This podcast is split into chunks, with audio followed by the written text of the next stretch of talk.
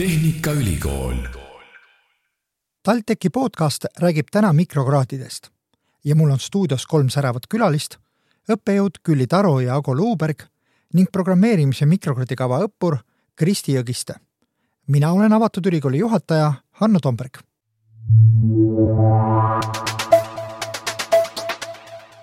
Tallinna Tehnikaülikool on alustanud uut mikrokraadikavade vastuvõttu kevadsemestriks ja seetõttu olen stuudiosse palunud äh, kaks mikrokraadikavade õppejõudu ja ühe õppuri, Külli Taro, Ragnar Nurkse Innovatsiooni Valitsemise Instituudi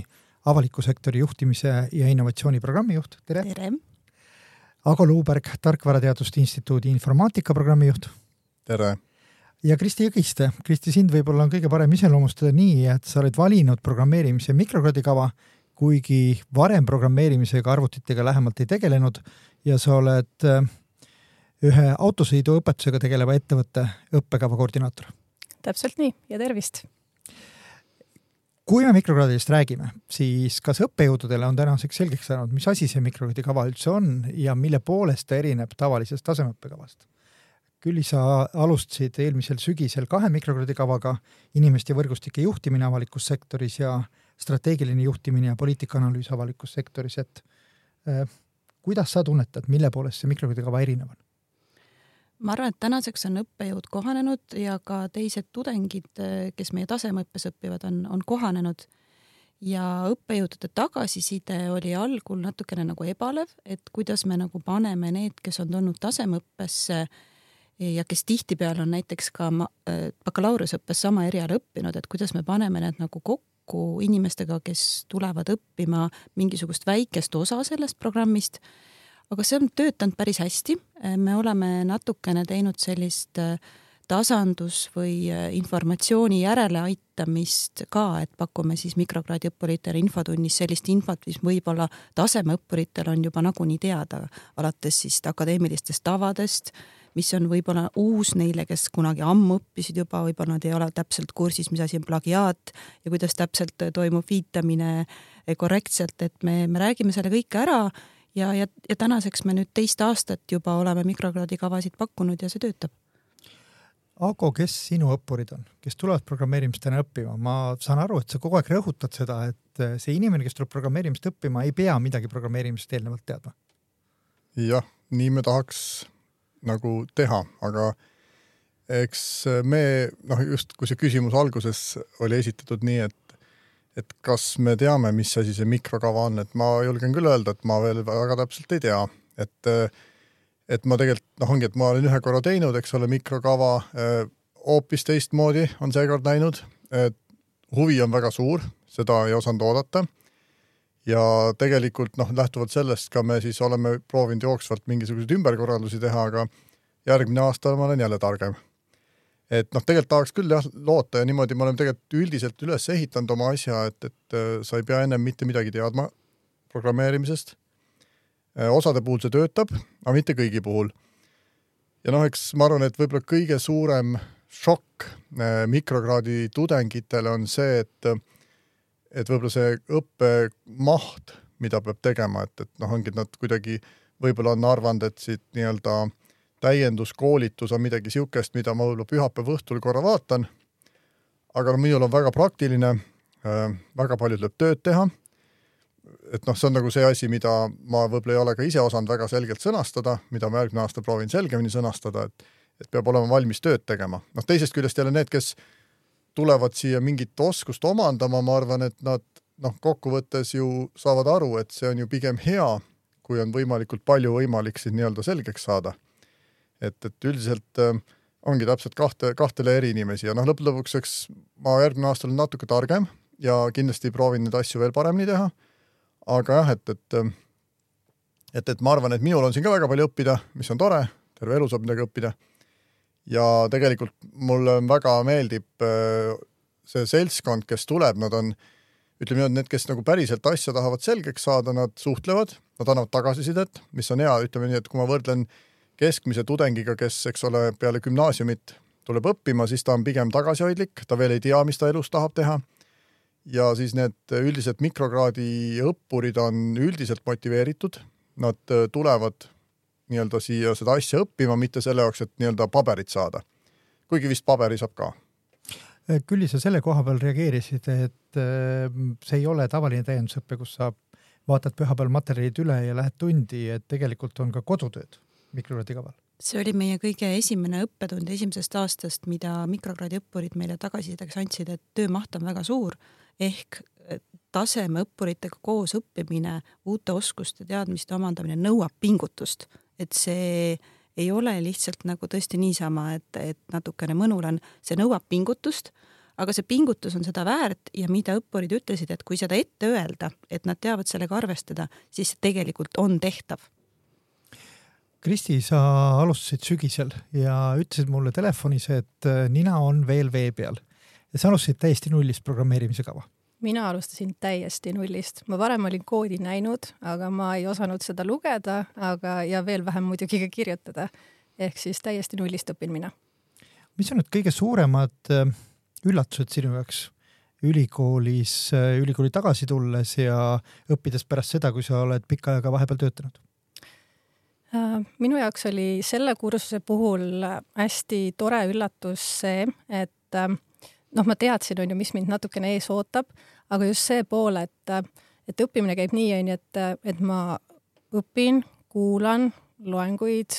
loen materjale, ma saan sellest kõigest aru ja siis tuleb see äge pool, et nüüd ma pean hakkama koodi kirjutama, ma pean hakkama nüüd rakendama neid kõiki teadmisi ja siis tegelikult tulevad need nii-öelda takistused või raskused. Et äh, varasema hariduskäiguga või tööga oli see ikkagi, mm, oli niimoodi ikkagi, et, äh, et äh, ma kuulasin loengut, sain aru ja, ja oligi nagu asi tehtud, onju, et ma tegin oma mingi testi või eksami või mingisuguse ettekande ja oligi kõik. aga täna on see, et, et, et see kõik asi nagu kujuneb ikkagi oskuseks, et ma pean päris palju rohkem tööd tegema, et ma isegi olen öelnud, et et ma ei ole elu sees mitte ühegi ainepunkti eest nii palju tööd teinud, kui ma täna teen ja sa räägid tegelikult õppimise oskamisest, sellest, et individuaalselt ise ka õppida, mitte ainult siis loengutes käia. ja et, et siin on hästi oluline see, et, et sa võtad aega õppimise jaoks, nagu siin mitu korda läbi kõlas, maht, maht on tõesti suur, aga ma käin täiskohaga tööl, mul on kaks eelkooliealist last ja ma saan sellega hakkama, et ma võtan selle aja, ma pingutan, ma tean, mida ma olen siia tegema tulnud ja ma tahan, ma tahan seda teha. Et mis siis, et see on kohati väga raske ja, ja on need hetked, kus äh, jooksed kinni omadega ja tõesti nagu ei oska kuidagi edasi minna, siis äh, on see, et tuleb lihtsalt abi küsida ja jätkata. ja siiamaani olen igast raskusest ikkagi üle saanud ja, ja mul on sära silmades mis sind sundis ülikooli tagasi tulema? mind sundis tagasi tulema see, et äh, ma olen pikka aega töötanud ühes valdkonnas ja ma tahtsin oma oskusi ja teadmisi laiendada, ma tahtsin äh,, tahtsin õppida midagi täiesti uut, ma tahtsin panna ennast proovile. ja sa ei ja... valinud niimoodi, et valisid lihtsalt äh, äh suvaliselt panid näpu peale ühele kavale ja tulen sinna? no mitte päris nii tegelikult, et, et ütleme nii, et see programmeerimine on kuskil mul seal taga kuklas ikkagi olnud, aga varasemalt ma ei ole tulnud õppima, sest et ma tean, et mul ei ole olnud aega ja no võimalust pühenduda ja, ja nüüd ütleme, aeg oli siis küps ja, ja noh, see programmeerimine on selline teema, et me kuuleme sellest igalt poolt on ju IT ja arendused ja tehnoloogia, et äh, ma tahtsin teada, et kas mina võiksin ka olla see inimene, kes sellega hakkama saab. et põhiküsimus oli see, et kas ma saan sellega hakkama ja teine asi oli muidugi see, et kas üldse meeldib mulle, et äh, ma ju ei tea sellest mitte midagi. Et see oli tegelikult hästi nagu noh, kuidas ma ütlen, mugavustsoonist on ju väljatulek ja, ja väga lahe käik, et ma olen ülimalt rahul, et ma seda tegin Ago, kui sina kuulad äh, täiskasvanud õppureid, siis milles sa näed kõige suuremat vahet võrreldes tudengitega? et äh, kui ma Kristit praegu kuulasin, siis mul jäi mulje, et ta väga selgelt teab, miks ta siia tuli ja mida ta siin omandada tahab. just, ma arvan, et see ongi see põhiline erinevus. et mis on huvitav, et isegi selles nii-öelda, kuidas siis öelda, selles päevaõppes või, või tavaõppes ehk siis need, kes tulevad õppekavale, astuvad sisse, kas seal on iga aasta rohkem neid, kes tulevad teisele ringile? ja, ja noh, üldiselt ongi, et ma saan paralleeli tuua täpselt nende samase mikrokraadi õppuritega, ka sessioonõppurid, et eh, nad on mõni, võib-olla mõni, kes on omandanud mõne muu eriala, et ütleme niimoodi, et võib-olla see nii-öelda elukogemus ja see kõik annab nii palju juurde, et sa võib-olla ka oskad õppida juba paremini, et, et ütleme niimoodi, et nad oskavad, tunnevad ennast paremini. noh, mõni võib-olla küll mitte, et mõni võib-olla saab seal ka areneda, aga et, et tihti on jah see, et sa tunned ennast paremini, sa oskad võib-olla ennast juhtida paremini, mis tähendabki seda, et kui on mingid takistused ees, et noh, et siis sa ei löö võib-olla kohe käega. ja jah, võib-olla ma arvan, et see ongi võib-olla kõige suurem erinevus, et, et niisugune Äh, tahe ja oskus ja kuidagi, ma ei tea, elukogemus äkki, kui nii niši väljendi võib siia tuua. Külli, sinu esimesed kavad on juba lõppenud, kui palju sul lõpetajaid oli ja kas oli ka neid, kes käega lõid mm,? esimesel aastal vist üks-kaks tükki jätsid pooleli, teisel aastal samamoodi, aga nad andsid juba üsna alguses alla, et said aru, et see ikkagi ei ole neile jõukohane aga ma just mõtlesin praegu selle peale, et tõenäoliselt on kavad ja, ja erialad väga erinevad. Et kui mina mõtlen, et mis vahe on meie mikrokraadi õppuritel ja tasemeõppuritel, siis ega tegelikult väga põhimõttelist vahet ei olegi. ma räägin siis meil on majandusteaduskonnas eh, Nurkse innovatsiooni ja, ja valitsemise instituudis on kaks valitsemise innovatsiooniga seotud mikrokraadi kava ja meil on ka tasemeõppurid seal tegelikult äh, tihtipeale täiskohaga töötavad inimesed nii avalikust sektorist kui erasektorist. mis on nagu, aga mikrokraadi õppurite võib-olla erisus on see, et nad ei ole alati kindlad, kas nad suudavad nii palju pühendada, et päris magistriõppesse sisse astuda ja kas nad ka saavad sellega hakkama et mõnel on juba eelnevast äh, hariduse omandamisest väga palju aega möödas ja ja, ja me oleme ka soovitanud neile, et kes ei ole nagu päris kindlad, kas päris magistriõppesse sisse astuda, et proovige kõigepealt mikrokraadi kava, tehke see ära ja kui te olete selle juba ära teinud, siis tegelikult on juba osa magistriõppekavast sooritatud, et teil on hiljem tegelikult lihtsam. siia ma pean küsima sult üle, et miks sa just need mikrokraadi kavad valisid? kas meil täna on avaliku halduse puhul näha, et me tegelikult võiksime sinna koolitada teistest valdkondadest inimesi? mõnes mõttes on see väga riskipeale minek teha õppekavad, mis on äh, suunatud avalikule sektorile, sest tegelikult avalikus sektoris pakutakse väga palju täiendkoolitusi ja pakutakse tasuta täiendkoolitusi. aga no ilmselgelt ma näen, et see, mida meie pakume, on lihtsalt kvalitatiivselt niivõrd palju erinev kui võib-olla selline ühe-kahepäevased täiendkoolitused. meil on rahvusvaheliselt kõrgelt tunnustatud akrediteeritud õppekavad, meil on ikkagi see teadusbaas selgelt ja mis on veel ülikooli tulles ju suur erisus on see, et ülikooliga mikrokraadi kavale tulles sul avaneb kogu see ressurss, mis on ülikoolis olemas, näiteks teadusandmebaasid. Et kui me räägime riigivalitsemise teemast, siis seal on väga oluline olla kursis äh, ütleme siis uuemate arengutega, et mis on sellised jäävad trendid ja mis on sellised moevoolud võib-olla, mis, mis muutuvad. et kui sa lihtsalt äh, kasutad Google Scholarit, siis sa saad võib-olla huvitava artikli, aga sa ei saa seda lugeda ja see maksab väga palju. ülikooli õppima tulles, sul on kõik see tasuta kättesaadav ja teine oluline aspekt on see sotsiaalne võrgustik et võib-olla kui sa käid täiendkoolitusel koos oma kolleegidega, siis sa suhtledki ainult oma teiste kolleegidega. Aga ka meie tudengid nii tasemeõppes kui mikrokraadi kaval ütlevad, et see sotsiaalne kapital, mida sa siin ülikoolis tegelikult ehitad, need kontaktid, suhted ähm, just see, et su maailmapilt avaneb, kui sa nagu erinevatest valdkondadest inimene, inimestega oma erialal asju arutad, et, et see, see tase, ma väidan, on hoopis midagi muud majandusteaduskonda võib siin tuua esile ka seetõttu, et tegelikult teie õpe on väga palju selline äh, sessioonipõhine õpe või põhimõtteliselt äh, õpe, mida tehakse valdavalt õhtuti, eriti magistriastmes ja see tähendab ka seda, et see sobib täiendusõppurile me nimetame seda päevaõpetaks, aga tegelikult kõik loengud on õhtuti, ehk siis enamasti kella viiest kella kaheksani tudengid oma õhtud veedavad, veedavad meiega, aga seevastu jälle nädalavahetused on vabad, mis,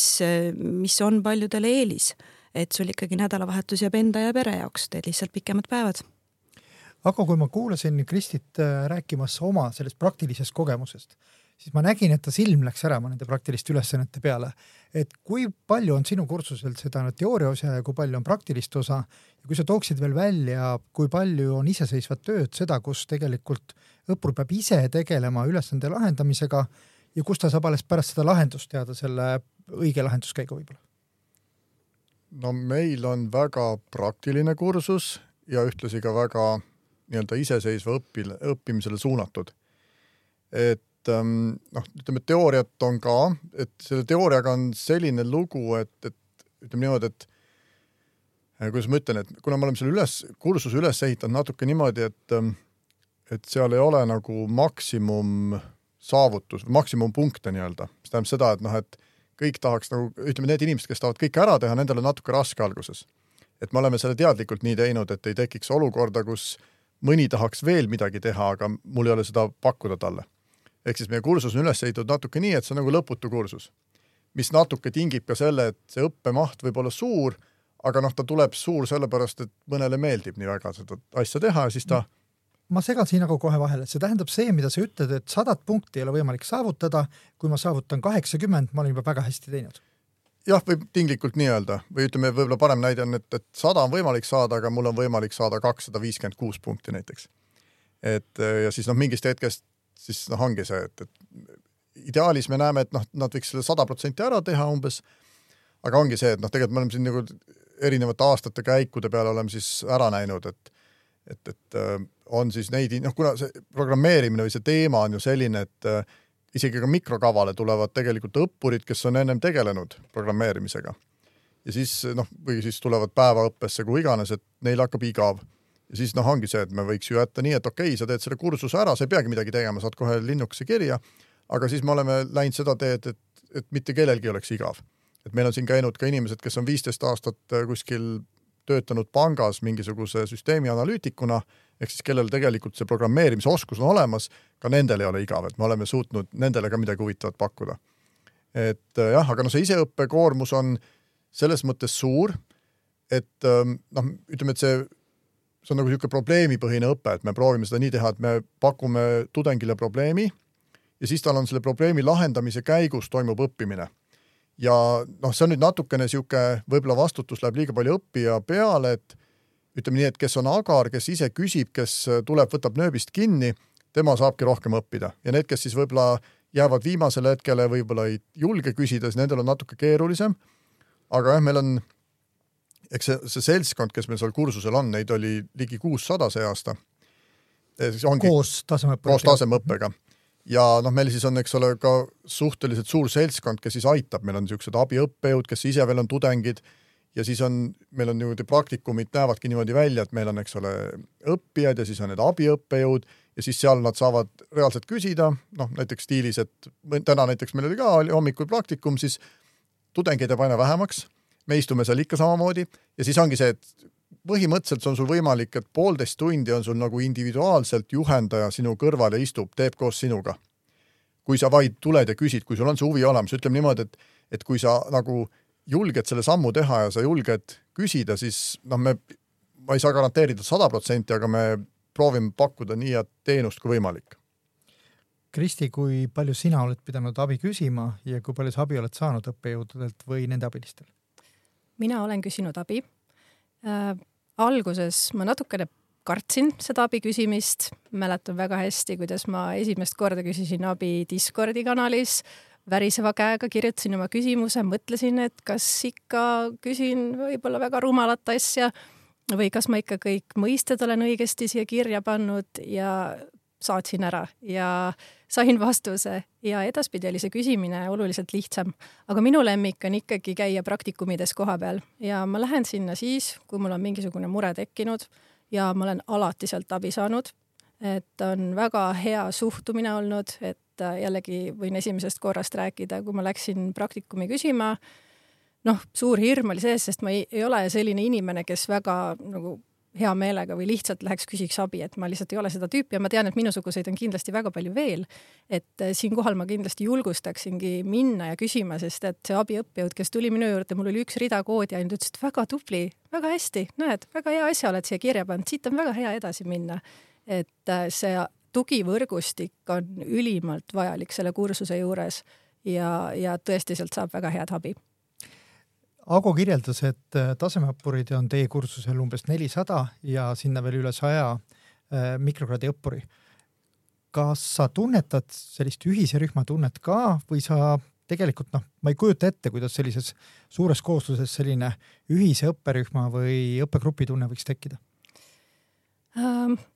see on nii ja naa, et äh, võib-olla seal näiteks Discordi kanalis äh, natukene on mingit sellist tunnet, et näed, et kui üks õpilane küsib küsimuse, siis tegelikult vastab ka teine õpilane, et õpilased justkui tulevad ise üksteisele appi. Äh, teine pool on see, et, et on nagu mõned agaramad sellised tudengid või õppurid, ka seal siis mikrokraadis, kes on ise nii-öelda oma pundid kokku pannud, et minul on suur rõõm olla äh, üks inimene ühest äh, grupist, äh, mis lihtsalt täiesti võõraste, täiesti erinevate eluvaldkondade inimeste poolt on kokku pandud ja me toetame üksteist, et kui keegi on hädas, keegi on nagu võib-olla mõnikord täitsa sellises seisus, et ah, ma ei tahagi enam edasi, edasi teha, siis me lihtsalt julgustame üksteist ja ütleme, et pole hullu, saame kokku, lähme koos praktikumi, võtame sellel abiõppejõul nööbist kinni ja me saame sellest koos üle. et, et, et selline väiksem grupp on meil juba moodustunud tegelikult sa oled tänaseks õppinud juba üle kolme kuu. Ehm, kas sul on ka neid hetki olnud, kus on jäänud tunne, et ma olen nüüd täitsa üksi ja ehm, ma ei tea, kas ma tahan edasi minna, et kui see tunne tekib, kes sind julgustab peale selle grupi?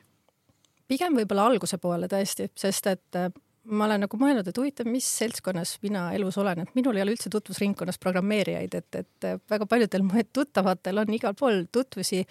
programmeerijatena ja, ja nad on saanud nagu niimoodi abi küsida, siis ma natuke tundsin küll ennast võib-olla üksi just alguses, kui kui noh, ütleme nii, et, et, et need probleemid, kuhu kinni jääda, olid, olid väga lihtsad, aga lihtsalt ei oska mitte kuidagi edasi minna, aga sellist nagu käega löömise hetke mul kindlasti ei olnud, pigem oli see, et ma võib-olla öösiti nägin unes ka, kuidas ma koodi kirjutasin, aga, aga ma juba teadsin, et okei okay,, ma olen nüüd kinni siin ja nüüd ma lähen ja midagi teen selle nimel, et ma saaksin sellest takistusest üle. et, et ma, ma, ma lihtsalt ei taha loobuda, et kuigi on raske, siis nui neljaks ma lähen läbi. Su lapsed kodus saavad aru, millega emme õhtuti tegeleb? jaa, saavad küll. mu poeg, kuueaastane, tuleb, vaatab, mida ma teen seal arvutis ja küsib, noh, kas jälle koodi ei tööta see on küll väga hea. meil on juba ettevalmistus kooliks tehtud siis. Külli, kui me mikrokoodikavadega edasi läheme, siis ähm, äh, millist arendust võiks siin lähiaastatel veel näha? on tunda, et ülikoolid on väga aktiivselt mikrokraadidega kõik pihta hakanud. Meie enda ülikooliski oli sügisel üle neljakümne mikrokraadi kava, nüüd talvel on veidi vähem, kuusteist mikrokraadi kava. et äh, mis suunas sina arendaksid seda edasi, kui see sinu võimuses oleks? meil just äh, käisid külas kolleegid äh, Genti ülikoolist, nemad teevad ka väga palju mikrokraadi kavasid, tegemist on ka tehnikasuunalise ülikooliga, kus samamoodi riigivalitsemist õpetatakse majandusteaduskonnas, nii et selline hea paralleel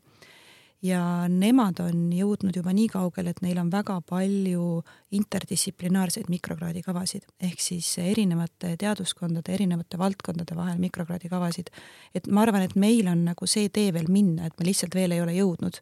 meil pigem on siiani need mikrokraadi kavad sellised ühe distsipliini põhised, sest me ise ju tunneme oma distsipliini ja siis me oskame selle, selle õige nii-öelda paketi kokku panna. aga ma arvan, et see mänguruum on palju-palju laiem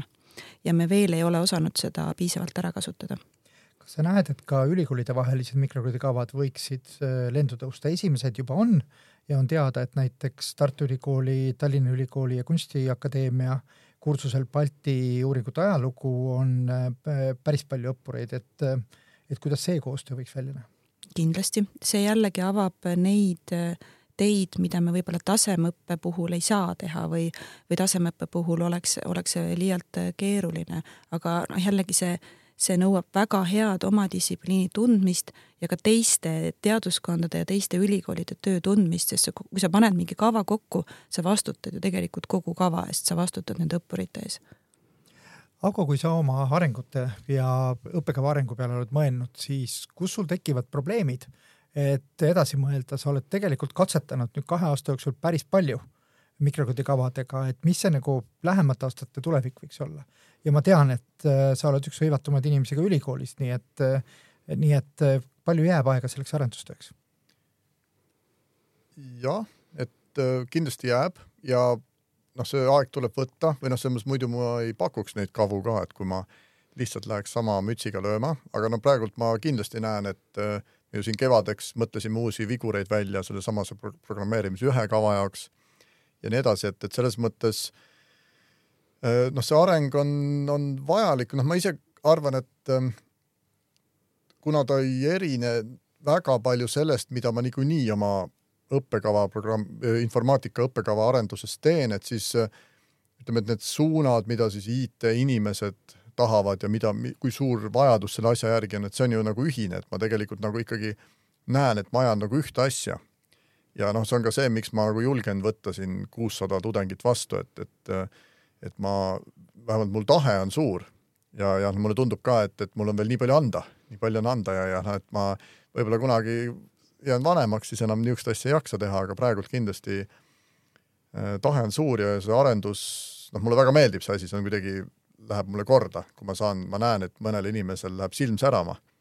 ja eks noh, muidugi ongi, seal on nagu need, seda tagasisidet on ju ka negatiivset, on ju neid, kes on loobunud, neid on noh, ma ei, täna ei julge täpselt öelda, mis see number on, aga noh, ütleme, et üldiselt selles valdkonnas ongi see väljalangemine on suur. et noh, seal ongi see, et võib-olla see teavitustöö, võib-olla need inimesed, kes tuleks, et nad teaksid, kuhu nad satuvad. Noh, ma pole nüüd niisugust statistikat teinud, et mis ajahetkel täpselt see loobumine on toimunud, kuna noh, ma ei ole nagu nii täpselt seda, seda fikseerinud, aga no ongi see, et võib-olla siis, et kas noh, kuidagi see areng viia sinna, et, et nad ei peaks proovima siin kuu aega järgi, vaid nad saaks juba ette teada et kas see teema võiks neid huvitada või, või, või mitte, et et jah, et noh, siin neid äh, arengukohti on, on palju ja noh, mul on teine asi ka see, et noh, ma olen ju, ma esimene kord proovisin õpp- äh,, mikrokraadi kava, kus mul oli viis ainet koos. ja noh, seda ma nägin ära, et see oli nagu selles mõttes palju, et mõni tahtis ühte asja, mõni teist asja, täna ma lõin selle kaheks. et nüüd ongi kevadel võimalik, eks ole, jätkata nendel, kes mikrokraad selle esimese programmeerimisega nagu tunnevad ennast hästi, et siis neil on võimalik selle kõrvale võtta teine mikrokava ka, et siis nagu täiendada ennast mingites aspektides. Et eks see on, ma arvan, et ma kindlasti järgmiseks aastaks mõtlen jälle uusi vigureid välja ja uusi aineid ja nii edasi, et mul on juba tegelikult juba on paar plaani, mida ma siis võib-olla järgmiseks aastaks pakun välja. aga tegelikult üks uuendus on ka see, et sa tegelikult pakud välja juba kevadel uue ettevalmistuskursuse selleks, et need inimesed, kes ei ole varem programmeerimisega kokku puutunud, saaksid läbi selle kursuse teada kas nad tegelikult, kas see hilisem mikrokraadi kava üldse sobib neile või mitte? just äh,. Tänased tudengid said selle valu enda peal ära tunda, nad tegid selle ettevalmistuse koos selle põhikursusega. nüüd lihtsalt, mis me teeme, on see, et me jagame ta kaheks, sest noh, see koormus oli liiga suur ja noh, me võtsime tagasi seda arvesse. et nüüd on jah võimalik, et, et nad saavad siukse, ütleme, et minikursuse saavad läbida kevadel ja siis sealt nad näevad ära, et kas siis see teema üldse võiks neid huvitada või mitte et mulle tundub, et jah, et meil on siis noh, et kuna ma sain seda tagasisidet päris mitmelt, et nad nagu ootasid midagi muud, et see on ka see minupoolne kommunikatsiooni küsimus võib-olla, et et noh, et see, kuidas ma seda välja reklaamisin, on ju, et noh, et ongi, et muidu niisugune tunne, et tahaks, et kutsuks kõik siia, et meil on lahe asi, tulge õppima, et noh, natuke tuleb pidurit ka panna, tuleb öelda, et jah, aga ja siis tuleb ära kirjeldada, et siin peab tööd tegema. et see oli nagu paljude jaoks niisugune võib-olla ootamatu asi ja noh, teine asi on see, et lihtsalt mõnele ei sobi mõnele ei sobi programmeerimine, kui sa tuled kohe, hakkad nagu mikrokraadiga pihta, see võib-olla on natukene liiga palju ja siis ja pettumus võib suur olla, eks pettumus võib suur olla ja siis nad on jah, et siis ja siis võib-olla see maine sellel kursusel või õppekaval langeb ja nii edasi, et noh, selles mõttes ma proovikski nüüd läbi selle, et me teeme kevadel niisuguse eelkursuse ja siis sügisel soovitame need, kes siis läbivad selle edukalt, et nendele on siis see mikrokava täiesti sobiv Külli, kui mõelda tasemeõppele tervikuna, siis me näeme, et kõigil on järjest vähem aega ja inimene ka õppimisele ei taha tegelikult pühendada palju aega. Eh, kas mikrokraadid on eh, tasemeõppe tulevik, et lisaks neile noortele, kes peale gümnaasiumi tulevad õppima ja omandama siis eh, kõrgkoolist oma esimest kraadi, me hakkame nägema järjest rohkem täiendusõppureid, kes tulevad üksikuid aineid võtma loomulikult see on ju selline üldine trend, tööturutrend, et inimesed elu jooksul omandavad mitu oskust, võib-olla isegi mitu eriala. ja kuna meie tööealine elanikkond ähm, järjest vananeb ja nad on järjest vanemas eas võimelised töötama, ehk siis nad on võimelised õppima mingit uut oskust, siis see paindlikkuse pakkumine, et sa pere ja töö kõrvalt saaksid endale kvaliteetse kõrghariduse omandada, on väga oluline. Et meil on probleeme sellega, et need, kes täiskohaga töötavad, et need ei suuda nominaalajaga tasemeõpet läbida, siis see mikrokraad olekski nagu selline hea alternatiiv, et sul on selliste väiksemate juppide või ampsudena võimalik tegelikult soovi korral ka see tasemeõppekraad kätte saada Kristi, ma tahaksin tänase podcasti sinuga lõpetada ja võib-olla, kui sa saaksid lühidalt kokku võtta, mis see programmeerimise mikrokraad sulle tänaseks juba andnud on? kogu see õpe kokku on andnud mulle väga palju, selles mõttes, et üks pool on siis teadmised programmeerimise poole pealt. teine pool on ka eneseareng siinjuures, et äh, nagu juba eelnevalt sai mainitud, et äh, et julgus minna, küsida abi äh,, julgus teha midagi täiesti uut ja samas ka võib-olla see pool, et äh, õppida enda vastu olla leebem, kui sa nagu ei jõua alati kõike maksimumi teha, et kui tervet ei jõua, tee pool, eks ju. et, äh, et kui sa ei saa mingitel põhjustel minna siis nii-öelda tasemeõppesse, siis võta see mikrokraad endale näiteks. et, äh, et mina olen selle otsusega siiamaani väga rahul milline su järgmine semester olema saab, kas sul on julgust jätkata? absoluutselt. ja see, mis sinu valik on? programmeerimine kaks.